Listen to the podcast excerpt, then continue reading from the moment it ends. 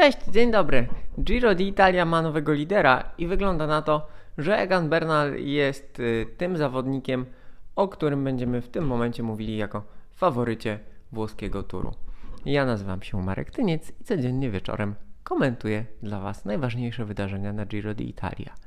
Kończymy, słuchajcie, pierwszy tydzień, y, a raczej pierwszą część wyścigu, no bo jednak y, od soboty do poniedziałku, jeszcze jutro etap, z tym, że jutro y, raczej dla ucieczki lub dla mocniejszych sprinterów.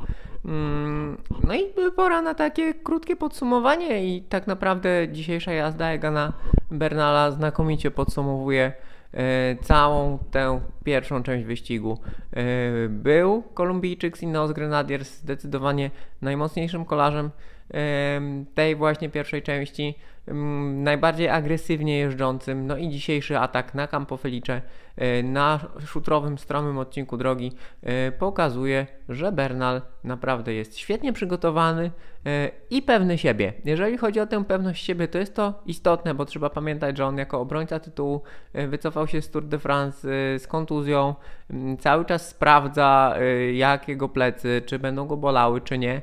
Mm, więc myślę, że stąd ta taka jednak dosyć szarpana, agresywna, szukająca e, przewagi jazda, mm, że cały czas no, nie jest do końca pewny siebie, chociaż e, jest to dzisiejszy etap, to kolejny, e, na którym Egan Bernal faktycznie jest najmocniejszym zawodnikiem peletonu Giro d'Italia 2021. Co ważne, mimo że jego ekipa Ineos Grenadiers jest osłabiona, bo trzeba pamiętać, że Paweł Siwakow e, wypadł z rywalizacji na tym samym etapie co Mikel Landa, to e, oni robią znakomitą robotę. Gianni Moscon, Jonathan Castroviejo, Filippo Ganna to są takie konie pociągowe i oni robią naprawdę e, znakomitą robotę, świetne tempo, nie tylko pod górę, ale też szukają możliwości na na to, żeby sprawdzić e, czujność rywali, sprawdzić e, siłę drużyn, szczególnie do koni Quickstep, więc na takich na przykład płaskowyżach, to kolejny raz dzisiaj się zdarzyło, kiedy na takim płaskowyżu po jednym z podjazdów zawiało, to tam próbują naciągać peleton i no, gubić rywali. Także tak to, tak to wygląda. Atak Bernala na tym szutrowym odcinku naprawdę imponujący. Takie wstępne moje wyliczenia na podstawie strawy oraz y, dane z Walonce C. Jeżeli chodzi o ten ostatni odcinek, on miał tam niecałe 1,5 km. To był wysiłek na niecałe 4 minuty. Na strawie w momencie, kiedy sprawdzałem tuż przed nagraniem, najszybszy tam był Damiano Caruso. Damiano Caruso, który do Bernala stracił 12, 12 mm, sekund e, i wychodzi na to, że on tam e, generował około 7 W na kilogram średnio przez te 4 minuty. Maksymalnie to było przez chwilę około 650.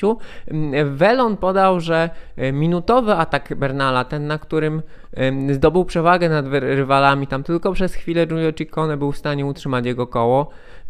To było prawie 9 watów na kilogram i trzeba pamiętać, że to było na szutrze, w związku z tym też trzeba było tę moc trochę dozować, e, a nie cisnąć e, ile się da. No tutaj myślę też, że to doświadczenie e, Bernala w MTB za juniora sprawdziło się, bo jednak technika pedałowania była istotna, ta nawierzchnia była dość nierówna, tam były takie kolejny. E, może fakt, że było lekko wilgotno pomógł, bo ta nawierzchnia była trochę bardziej związana, ale wciąż to nie było, e, to nie było łatwe zadanie. No i co? No i mamy pierwszą Trudno powiedzieć o słabości, słuchajcie, bo jednak y, tutaj czołówka była dość ciasna. Oczywiście y, atak Bernala bardzo zdecydowany. Y, Kolumbijczyk no, uzyskał 7 sekund przewagi nad Ciccone i nad Własowem. Czwarty Remco Evenpool i tutaj mówię właśnie w kontekście nie wiem czy słabości. No, przetrzymać taki atak bardzo trudno. 10 sekund straty to nie jest dużo. Więc e, nie wiadomo, tak? Znaczy, według mnie Remco Evenpool się broni jako debiutant na tak ważnym wyścigu. Zobaczymy, jak poradzi sobie na Zonkolanie, zobaczymy, jak sobie poradzi e, na tym najcięższym etapie w Dolomitach, bo tak naprawdę dopiero przyszłym tygodniu y, dostaniemy odpowiedzi. Co więcej, dostaniemy odpowiedzi y, na temat y, dyspozycji takich zawodników jak Adam Yates, który dzisiaj. Simon Yates. jak Simon Yates, który dzisiaj Znowu troszkę stracił, znowu był ostatni z tej grupy najmocniejszych zawodników, ale w niej był. Więc może być tak, że Simon Yates tutaj pomny wcześniejszych doświadczeń, no będzie, będzie najmocniejszy e, w tej ostatniej, najbardziej wymagającej części wyścigu, a to Bernal e, spala się może niepotrzebnie. Trudno powiedzieć, e, bo tak jak mówię, no, największe trudności są dopiero przed nami. W najbliższą środę etap toskański po szutrach.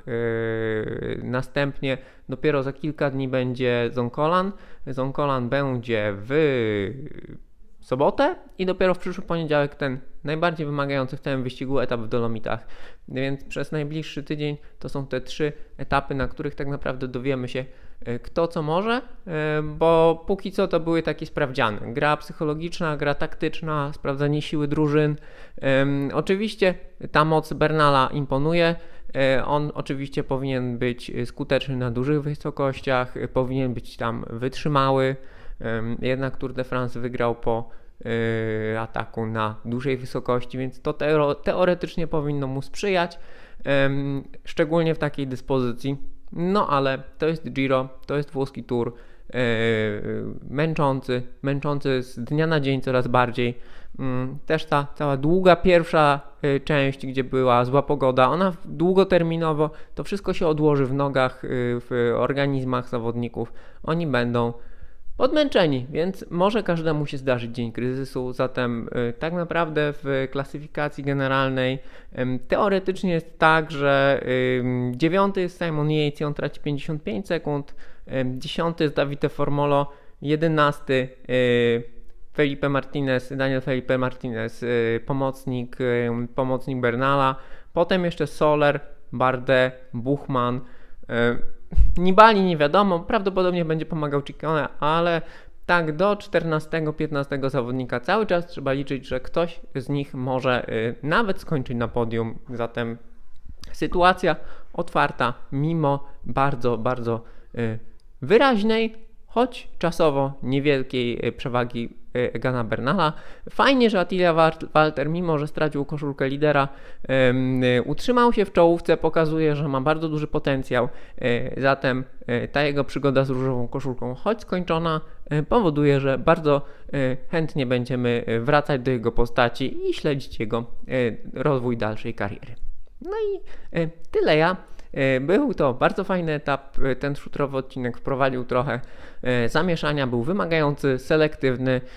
No i w końcu etap zakończony faktycznie przejęciem koszulki lidera przez zawodnika, o którym myśleliśmy, że powinien to zrobić. Także zgodnie ze scenariuszem, ale ekscytująco, żal uciekinierów, którzy zostali dopędzeni w końcówce, no ale taki los. I tak w tym roku uciekinierzy często mają szansę, zatem no dziś mieli pecha, ale mm, może, może, zobaczymy.